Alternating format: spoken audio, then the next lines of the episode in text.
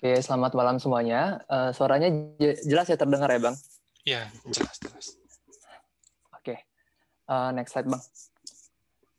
Uh, sebelumnya, terima kasih untuk kesempatan yang diberikan untuk boleh membagikan tentang seleksi masuk STAN dan juga bagaimana bekerja di BPK gitu. Uh, perkenalkan, nama saya Christopher Andreas Samurangi Stompul.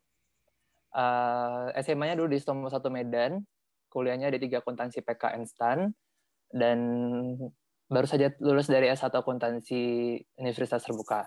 Saat ini bekerja sebagai PNS di eh, Badan Pemeriksa Keuangan Republik Indonesia, tepatnya di kantor perwakilan Provinsi Nusa Tenggara Timur sebagai pengelola layanan kehumasan.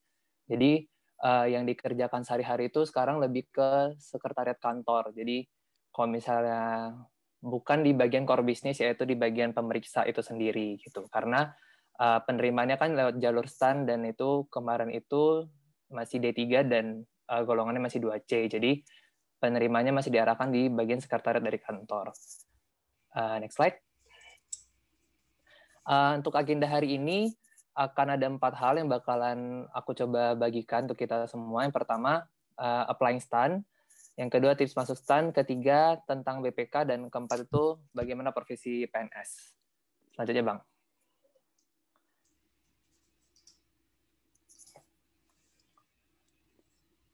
Oke, uh, kalau misalnya boleh cerita dulu di awal, sebenarnya untuk masuk stan sendiri bukan prioritas utama ketika pertama kali uh, memutuskan untuk mencoba stan. Kemarin itu emang kepikiran waktu tamat SMA, coba aja semua semua apa ya semua peluang-peluang yang ada dan salah satunya itu mencoba untuk masuk stan gitu. Uh, sebelum aku akan menjelaskan lebih lanjut tentang uh, bagaimana proses dari masuk stan itu sendiri, aku akan jelasin tentang PKN STAN itu sendiri. Jadi uh, untuk informasi kita bersama, STAN yang dulunya sekolah tinggi sekarang itu sudah uh, dalam bentuk politeknik. Nah, jadi namanya sekarang adalah Politeknik Keuangan Negara STAN. Jadi uh, STAN itu sekarang jadi branding dari politekniknya itu sendiri. Untuk statusnya tetap masih di bawah Kementerian Keuangan sebagai badan layanan umum, di mana di STAN itu ada empat jurusan, uh, akuntansi, bea cukai, pajak, dan manajemen keuangan mungkin dari teman-teman semua yang paling tahu stand itu bea cukai atau pajak gitu ya. Nah, tapi ada juga satu jurusan lagi itu manajemen keuangan. Nah, di masing-masing jurusan itu ada program studinya. Untuk akuntansi itu ada D3 sama D4 akuntansi. Kalau bea cukai ada yang D1 dan D3. Yang pajak ada yang D1, D3, D1 pajak, D3 pajak, dan D3 penilai. Yang manajemen keuangan ada yang D1, kebenaran negara, D3 kebenaran negara, dan D3 manajemen aset. Nah, jadi D1 itu yang kuliahnya satu tahun, dan D3 itu yang kuliahnya tiga tahun, D4 yang hanya ada di jurusan akuntansi, ya setara S1 gitu. Nah, jadi untuk di itu sendiri ya, uh, mungkin teman-teman juga pada beberapa tahu, sistemnya adalah ada sistem DO setiap semesternya. Jadi ada syarat tertentu yang harus dipenuhi setiap semesternya untuk bisa lanjut ke semester berikutnya. Uh, kalau sekarang kampusnya terpusat di Bintaro. Kalau misalnya dulu emang waktu zaman penerimaan aku tahun 2014 kampusnya masih ada ada yang di Medan, ada juga yang di Makassar, ada yang di Cimahi. Nah sekarang semua terpusat di Bintaro di Tangerang Selatan. Oke selanjutnya bang. Nah ke mana sebenarnya lulusan STAN itu akan ditempatkan gitu kan? Jadi seperti kita tahu semuanya lulusan STAN pasti akan bukan pasti sih. Jadi prospeknya adalah akan menjadi PNS gitu Nah, PNS itu sendiri uh, karena STAN sebenarnya di bawah Kementerian Keuangan, jadi mostly atau kebanyakan pasti akan ditempatkan di bawah Kementerian Keuangan. Tapi mulai dari tahun 2016 lulusan STAN juga ditempatkan di non Kementerian Keuangan. Jadi ada beberapa kementerian lembaga yang juga turut apa ya, turut meminta atau membutuhkan lulusan-lulusan dari STAN itu sendiri. Nah, jadi ini beberapa gambarannya dan salah satunya seperti aku adalah yang ditempatkan di non Kementerian Keuangan. Uh, dan sebagai informasi juga untuk yang tahun ini lulusan stand, stand tahun ini ada yang ditempatkan juga di pemerintah daerah. Nah jadi uh, sekarang itu lulusan stand nggak cuma hanya di level kementerian-kementerian aja atau di lembaga-lembaga aja, juga sampai ke pemerintah daerah. Contohnya salah satunya pemerintah daerah Sleman, Yogyakarta, ada juga yang Kalimantan Timur. Nah jadi uh, bisa dilihat uh, makin ke sini ntar makin ke depannya sih bisa prospeknya itu ternyata nggak cuma di Kementerian Keuangan aja atau di kantor pajak doang atau di kantor bea cukai aja, tapi bisa juga sampai ke kementerian bahkan pemerintah daerah lainnya. Oke, lanjut Bang.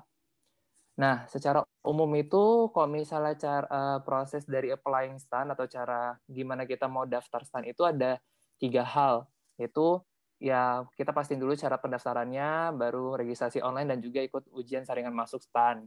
Nah, cuma uh, sebagai informasi untuk kita semua untuk prosesnya itu sendiri telah mengalami perubahan dalam lima tahun terakhir. Jadi setiap tahun itu pasti ada uh, perubahan-perubahan gitu. Jadi uh, pastiin aja kalau misalnya bagi teman-teman nanti yang akan mencoba masuk stan itu mastiin kalau misalnya emang udah mengikuti atau mengupdate informasi yang paling baru gitu terkait dengan proses seleksi stan itu sendiri.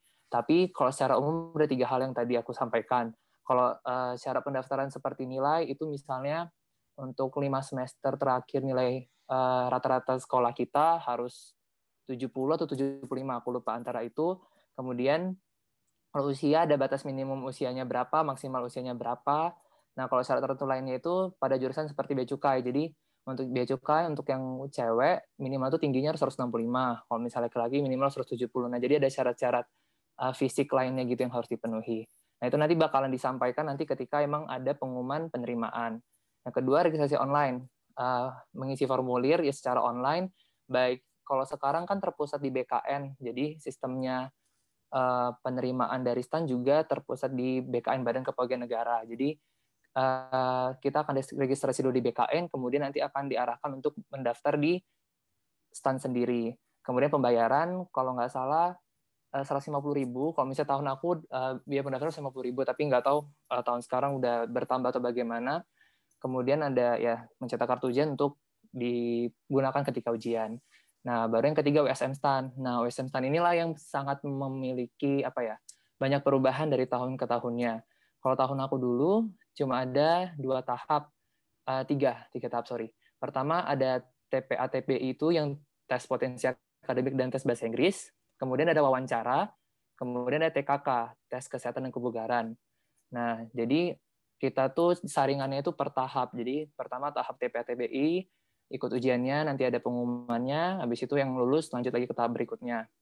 Nah, kalau misalnya tahun lalu, penerimaan tahun lalu itu ujiannya dalam satu paket untuk TPA dan TBI, kemudian ada juga TKD. TKD itu kayak tes CPNS-nya gitu. Nah, jadi kan biasanya setiap kami, eh, kami itu misalnya lulus yang tahun aku di tingkat akhir akan mengikuti tes CPNS untuk supaya bisa jadi PNS.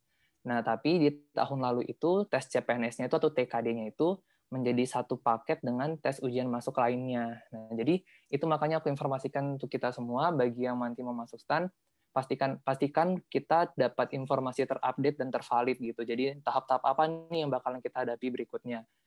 Nah, untuk yang tes kesehatan dan kebugaran itu nanti ada kalau misalnya dulu misalnya aku bentuknya itu lari 12 menit sama lari angka 8.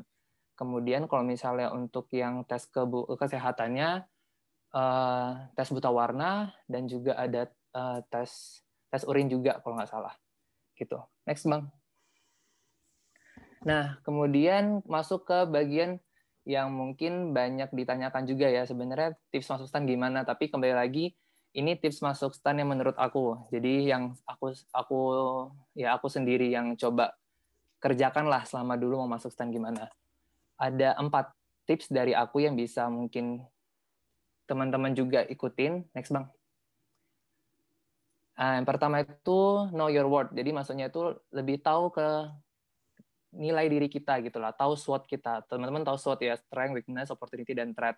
Jadi Eh, kita tahu apa kemampuan kita, kita kuatnya di hal apa, kita lemahnya di apa, terus kita tahu opportunity kita nih, kita tahu peluang-peluang apa yang bisa atau sumber daya apa yang bisa kita pakai supaya kita bisa uh, masuk ke stan gitu. Kemudian threat, nah ancamannya. Jadi bentuk ancamannya pasti berbeda-beda tiap orang. Kalau misalnya aku dulu ancamannya uh, karena motivasi diri, misalnya gitu kan. Misalnya dulu sebenarnya tidak terlalu ingin masuk stan. Nah, gitu. Jadi gimana itu kan jadi demotivasi juga ya. Nah, jadi hal-hal seperti itu jadi harus ada apa ya? Dengan kita tahu kekuatan kita, kelemahan kita, itu bakal menolong kita nih ketika persiapan untuk masuk stand sendiri.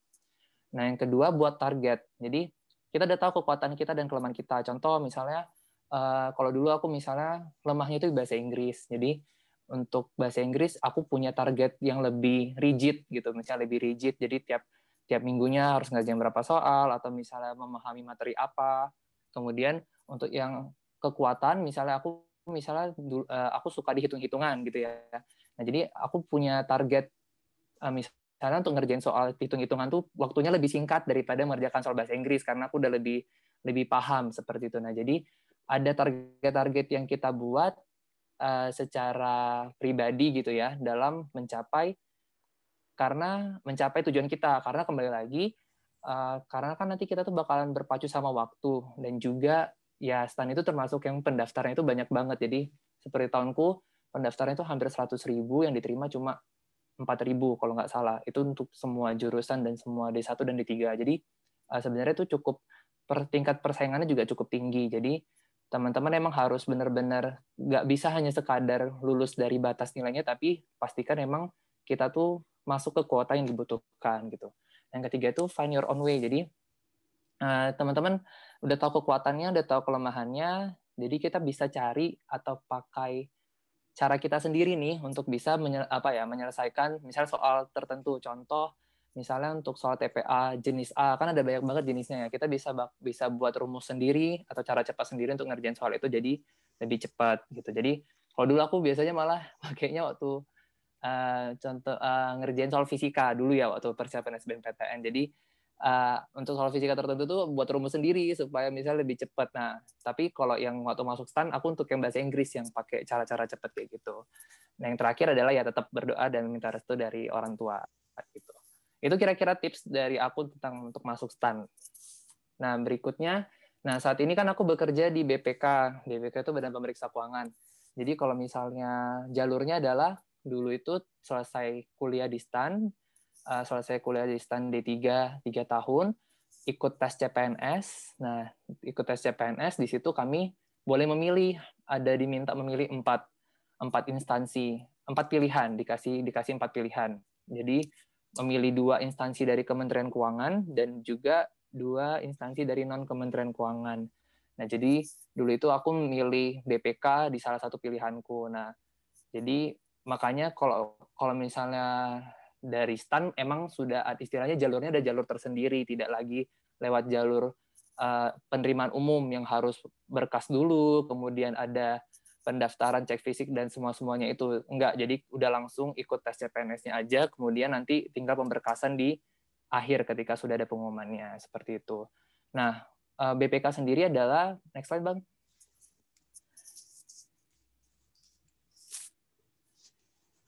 Nah BPK sendiri adalah salah satu lembaga negara yang dibentuk berdasarkan undang-undang Eh, dan yang bertugas untuk memeriksa pengelolaan dan tanggung jawab keuangan negara secara bebas dan mandiri. Jadi anggota BPK itu dipilih oleh DPR dengan memperhatikan pertimbangan DPRD. Jadi uh, eh, BPK itu kalau misal aku sering mengumpamakannya itu seperti guru lah ya, misal seperti guru. Jadi uh, anak-anak kerjain dikasih ada anak kerjain soal dikasih terus BPK kasih nilai gitu kan. Nanti dikasih koreksian kalau misalnya ada yang salah. Nah, hasil koreksinya itu gunanya supaya si muridnya bisa dapat nilai lebih bagus lagi. Nah, kurang lebih seperti itu. Jadi BPK itu hadir untuk memeriksa, memeriksa dari pengelolaan dari keuangan negara yang ada di uh, Indonesia gitu, baik dari pemerintah di pusat ataupun pemerintah daerah. Ya, visi misinya ya seperti yang tertera di slide berikut. Jadi emang tujuannya adalah mendorong pengelolaan keuangan negara untuk mencapai tujuan negara melalui pemeriksaan yang berkualitas bermanfaat. Ya, misinya itu ada memeriksa pengelolaan dan tanggung jawab keuangan negara secara bebas melaksanakan organisasi yang berintegritas, independen, dan profesional. Jadi bebas dan mandiri itu maksudnya BPK itu uh, tidak terikat pada uh, lembaga tertentu gitu. ada kepentingan tertentu melakukan tugasnya seperti itu. Jadi uh, mandiri adalah ya mandiri juga maksudnya dalam memeriksa suatu lembaga dalam memeriksa suatu entitas, BPK itu dapat langsung datang ke entitas tersebut dan juga memeriksanya gitu dengan dasar ya ada uang yang dikelola, ada ada uang negara yang memang dikelola oleh si entitas tersebut gitu. Uh, lanjut. Nah, untuk BPK sendiri itu dalam melaksanakan tugasnya itu ada tiga jenis pemeriksaan sebenarnya dilakukan. Jadi, pemeriksaan laporan keuangan, pemeriksaan kinerja, dan pemeriksaan dengan tujuan tertentu. Nah, kalau misalnya teman-teman mungkin sering dengarnya ada opini ya, misalnya BPK tuh ngeluarin opini WTP, misalnya wajar tanpa pengecualian terhadap suatu laporan keuangan kementerian tertentu atau pemerintah pusat. Nah, jadi itu adalah jenis pemeriksaan yang dilakukan adalah pemeriksaan keuangan. Nah, untuk pemeriksaan kinerja itu BPK menilai dari bagaimana pemerintah dalam mengelola dana-dana kinerja pemerintah dalam mengelola dana-dana yang di mereka kelola gitu. Jadi uh, kinerjanya itu dinilai dari segi efektivitasnya, ekonomisnya atau efisiensinya itu dan itu lebih menjurus istilahnya ke satu bidang tertentu gitu. Misalnya kinerja pengelolaan dari asetnya atau kinerja dari penatausahaan uh, barang tertentu gitu. Jadi dia spesifik. Nah, kemudian pemeriksaan dengan tujuan tertentu itu uh, biasanya itu dilakukan karena ada isu-isu tertentu dari entitas atau dari yang akan diperiksa kementerian lembaga tertentu yang harus diperiksa. Contoh, just uh, kemarin itu COVID. Nah, dana COVID ini yang sekarang ini lagi gencar-gencarnya pemerintah keluarkan, nah BPK juga turut memeriksa dana COVID tersebut. Nah, itu dilakukan dalam kerangka pemeriksaan dengan tujuan tertentu. Nah, kalau misalnya di kembali lagi karena BPK adalah ya bagian dari ya pegawai negeri sipil ya, maksudnya lembaga negara, jadi dalam melaksanakan tugasnya itu didasari oleh sebuah kode etik gitulah kode etik yang berisi norma-norma yang harus dipatuhi. Nah jadi uh, dalam melaksanakannya itu ada pakem-pakem, ada kewajiban, ada larangan yang harus yang enggak yang harus dilakukan oleh setiap pegawai BPK dan nilai dasar yang dipegang dalam melaksanakannya ada tiga integritas, independensi dan profesionalisme. Jadi uh, integritas itu ya lebih ke gimana dalam memeriksa itu bisa menyatakannya salah ya salah gitu misalnya benar ya benar. Independensi itu tidak ada istilahnya tidak ada bersinggungan dengan kepentingan-kepentingan baik pribadi kelompok ataupun ya pemerintah sendiri gitu. Profesionalisme ya, ya orang-orangnya cakap dan andal dalam melakukan pemeriksa. Jadi pemeriksaan. Jadi uh, bisa dipastikan kalau misalnya ada pegawai BPK yang memeriksa itu mereka sudah melalui pelatihan, mereka sudah memenuhi standar-standar tertentu yang harus dipenuhi sebagai pemeriksa di BPK. Next, Bang. Nah, selanjutnya kalau misalnya cerita sebagai profesi PNS, ya karena aku juga masih baru jadi PNS, baru dua tahun, yang bisa aku bisa aku bagikan ya sebenarnya ya jadi PNS itu ya ada pro ada kontranya juga gitu. Ya pro-nya itu next slide aja, Bang ya pro-nya itu ya punya penghasilan yang tetap dan dapat diproyeksi dengan jelas. Maksudnya ya sangat ya ini salah satu poin pentingnya maksudnya di tengah seperti kemarin ya pandemi seperti ini gitu kan banyak juga uh, teman-teman kita mungkin yang uh, ya teman-teman aku juga sih maksudnya yang uh, istilahnya kehilangan penghasilan gitu kan karena pekerjaannya juga terganggu.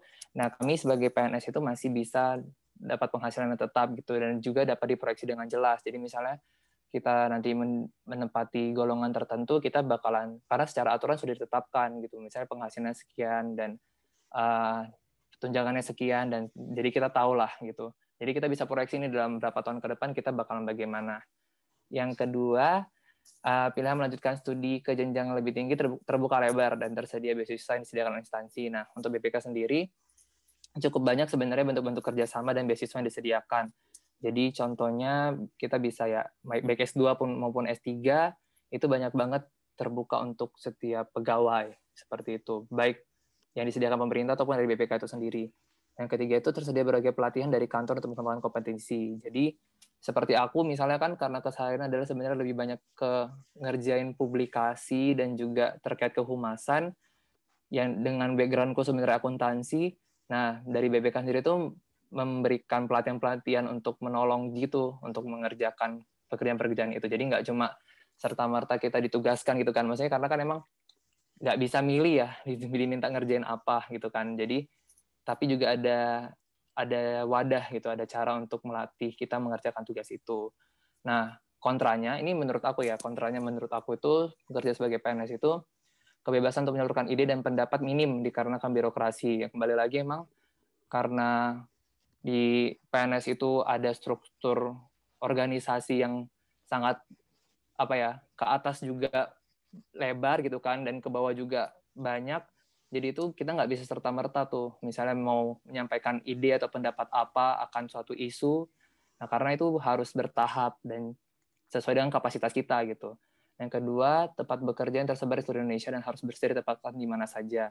Sebenarnya kalau misalnya pernyataan ini sudah ditanyakan waktu dulu masuk stansi gitu. Jadi ketika nyampe BPK ya emang sekarang di Kupang gitu kan. Maksudnya emang udah bagian dari apa ya salah satu ah, salah satu yang harus diterima lah gitu kalau misalnya bekerja sebagai PNS seperti itu. Dan kalau di kami di BPK sendiri itu kan ada kantornya di semua ibu kota provinsi dengan apa ya dengan skup kerjanya itu sampai ke kabupaten-kabupaten. Nah, jadi ya harus disiap ditempatkan bahkan ada yang di Papua sana, maksudnya harus ke gunung-gunung gitu untuk bekerja itu ada gitu.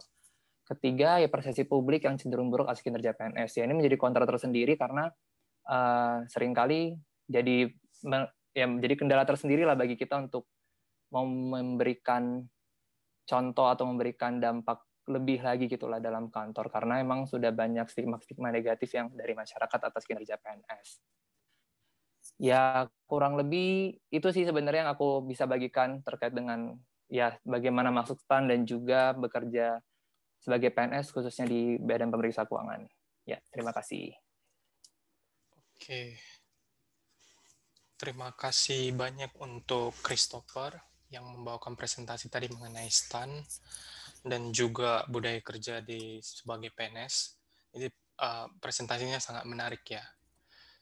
Untuk berikutnya kita lanjutkan sesi tanya jawab mungkin ya. Ini pertanyaan dari beberapa. Tapi sekarang jam berapa di sana nih, Christopher? Jam 10, Bang. Oh, beda satu jam ya dengan Jakarta. Iya, iya lebih dari satu jam. Makasih banyak ya untuk waktunya. Aman bang. Oke, ini ada nih pertanyaan pertama untuk pemilihan penempatan pekerjaan di Kemenkeu atau non Kemenkeu ini tergantung permintaan kita sendiri atau dari standnya sendiri atau ada tes yang diadakan nggak gitu? Uh, kalau misalnya untuk tahun aku dulu, jadi kami di akhir dari perkuliahan baru uh, diumumkan gitu. Jadi akan khususnya untuk jurusan D3 akuntansi ya teman-teman. Jadi biasanya itu jurusan akuntansi yang banyak pilihannya gitu, bisa di Kementerian Keuangan atau non Kementerian Keuangan. Dan itu tergantung permintaan kita sendiri. Cuma kembali lagi, kita cuma kayak menyampaikan pilihan kita, tapi nanti hasilnya tetap ditentukan oleh stand sendiri. Nah hanya di tahun 2000 tahun lalu eh tahun tahun lalu ya penerimaan tahun lalu itu dari awal ketika kita mendaftar kita sudah diminta milih juga mau di Kementerian Keuangan atau di non Kementerian Keuangan gitu. Jadi dari ketika daftar pertama kali langsung ditanya gitu di mau mau di non Kementerian Keuangan atau di Kementerian Keuangan seperti itu. Jadi okay. berbeda-beda tiap tahunnya. Oke, okay.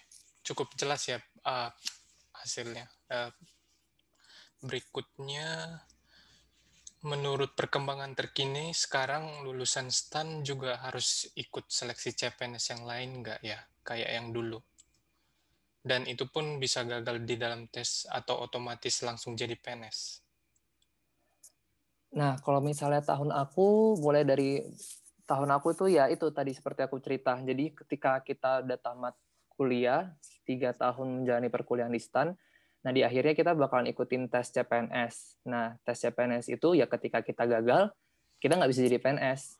Cuma sebagai lulusan dari STAN. Nah, cuma seperti eh, di beberapa tahun belakangan ini kan dia eh, tes CPNS di awal. Di awal. Jadi mereka ketika masuk itu istilahnya sudah dalam status tanda kutip CPNS gitulah. Tapi kemarin ada juga satu ada juga kemarin yang tahun lalu itu mereka tes lagi. Nah itu jadi makanya uh, emang kekurangan dari sekolah kedinasan adalah seperti itu. Jadi kita nggak bisa banyak nuntut dan emang harus nerima aja mau mau gimana gitu. Tapi kalau misalnya dibilang kalau gagal, kita ya kalau gagal kita nggak bisa jadi PNS. Tapi uh, kemarin itu kalau tahun aku ketika kita gagal ikut tes sekali, kita bisa ngulang lagi sekali lagi. Jadi dikasih kesempatan sekali lagi. Nah ketika yang kedua kali gagal ya nggak bisa jadi PNS. dan itu emang ada gitu jadi di angkatan aku ada tiga orang yang nggak bisa jadi PNS walaupun udah kuliah udah lulus kuliah oke cukup jelas ya terus ini ada pertanyaan lagi selama jadi PNS pernah nggak ngalami nggak enak sama rekan kerja karena udah lebih tua hmm. Kan kalau di corporate ini kan nggak banyakannya orang tua juga ya nggak nggak semua orang muda gitu kalau misalnya uh, pernah atau enggak pernah gitu ya. Maksudnya itu malah sangat sering gitu. Sama apalagi sama dengan uh, senior-senior gitu kan. Misalnya mereka yang udah berapa tahun juga kerja. Cara ngatasinnya kalau misalnya hal-hal yang bisa dikomunikasikan maksudnya tergantung ya apakah itu mengganggu sekali dengan kenyamanan kita dan pekerjaan kita gitu kan kelancaran pekerjaan kita. Kalau misalnya memang ternyata tidak mengganggu aku sih lebih milih mengabaikan gitu. Tapi kalau misalnya mengganggu biasanya aku coba komunikasikan. Mentah uh, ada dua. Pertama secara langsung kalau misalnya orangnya emang masih bisa kita ajak ngobrol. Kalau nggak bisa lewat atasan. Jadi karena biasanya kan yang lebih apa yang lebih berhak gitu kan untuk menegurkan atasan kita kan jadi biasanya lewat lewat atasan sih yang lebih pas oke cukup menjawab ya berarti. Ini berarti sekarang langsung. Ini tadi udah udah sekalian ya. Udah Oh, ini karena waktunya mungkin kita pilih dulu yang ini ya. Bisa ceritain nggak day to day kerja di BPK seperti apa, Bang? Uh, jam kantornya setengah delapan sampai dengan setengah lima gitu. Kalau misalnya untuk istirahatnya juga cuma sejam dari jam 12 sampai jam 1 kalau misal kesehariannya tergantung ini ya maksudnya kalau misalnya di subak aku di bagian aku unit aku kerja sekarang karena emang uh, lebih lebih banyak berurusan sama kepala kantor sama sekretariatan gitu ya. Jadi ngur, uh, apa ya menjauhkan rapat baru mengurus dokumen-dokumen masuk ataupun keluar dari kepala kantor. Jadi pekerjaannya itu fluktuatif. Jadi bisa satu momen lagi rame-ramenya dokumen ya kita bisa sampai lembur. Atau misalnya kalau emang lagi ada deadline tertentu ya lembur itu tetap ada gitu di dunia di kalau selama ini ya selama aku bekerja gitu. Bahkan sampai jam 2 pagi jam 3 pagi juga ada gitu. Jadi makanya stigma stigma misalnya PNS itu gabut sebenarnya nggak selamanya gitu. Jadi uh, dialami juga kok gitu yang hal-hal seperti itu. Tapi kalau pekerjaannya secara keseluruhan sih karena base-nya adalah aturan ya misalnya kalau sekarang bekerja itu kan sekarang base-nya aturan dan ada output-nya. Jadi ruang untuk kesalahan itu itu hal yang lumrah gitu. Jadi nggak masalah asalkan bisa dikomunikasikan. Oke cukup menjawab ya berarti ya. Ini ada pertanyaan lagi. Apakah ada kuota yang akan diambil setiap instansi? Jika ada apabila melebihi kuota apakah akan diadakan tes?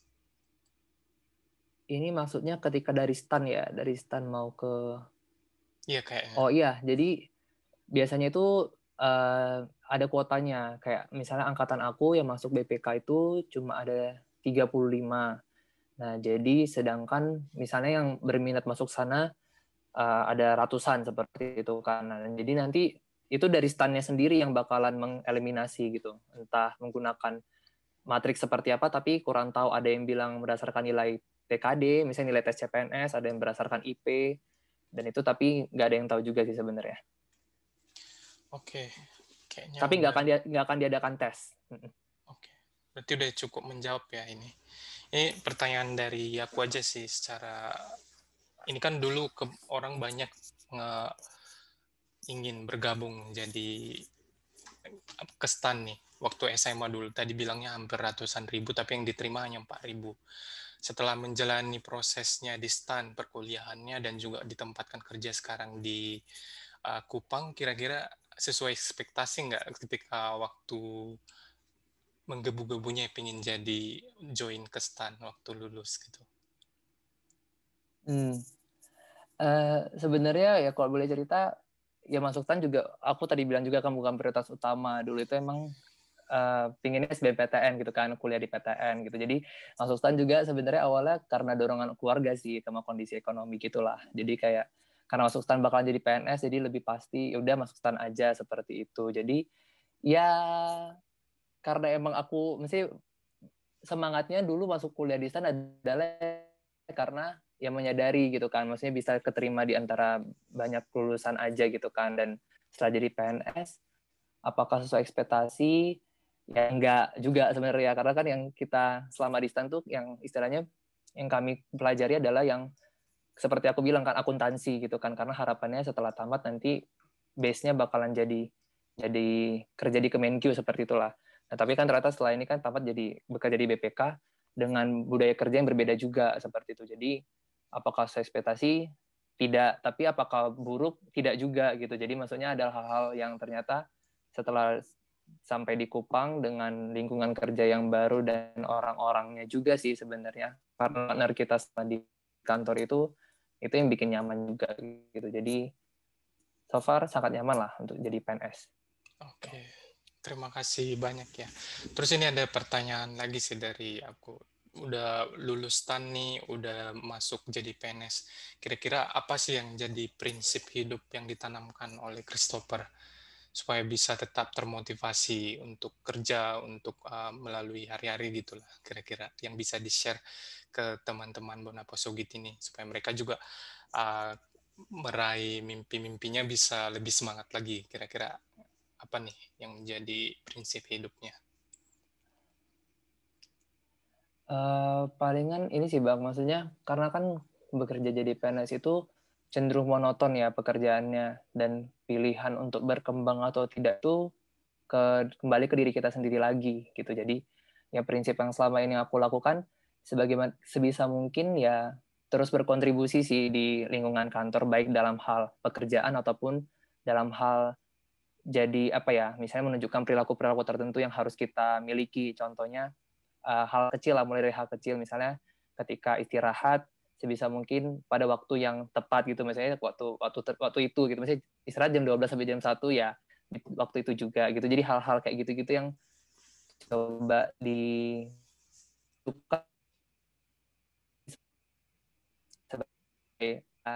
jadi batak juga kan. Misalnya menunjukkan dari kita itu seperti apa gitu. Dan ya sama itu kembali lagi sih bilang berkembang atau enggak itu kembali ke pilihan kita uh, peluangnya sangat banyak sebenarnya untuk bisa berkembang baik itu dari dalam negeri atau luar negeri tapi kembali lagi ke masing-masing pribadinya gitu. Jangan lupa follow Instagram akun kita di Bonapasogit Mengajar dan jangan lupa juga buat subscribe dan nonton YouTube kita di Bonapasogit Mengajar karena kita bakal sharing informasi-informasi menarik di sana. So, sekian dari kami. Terima kasih.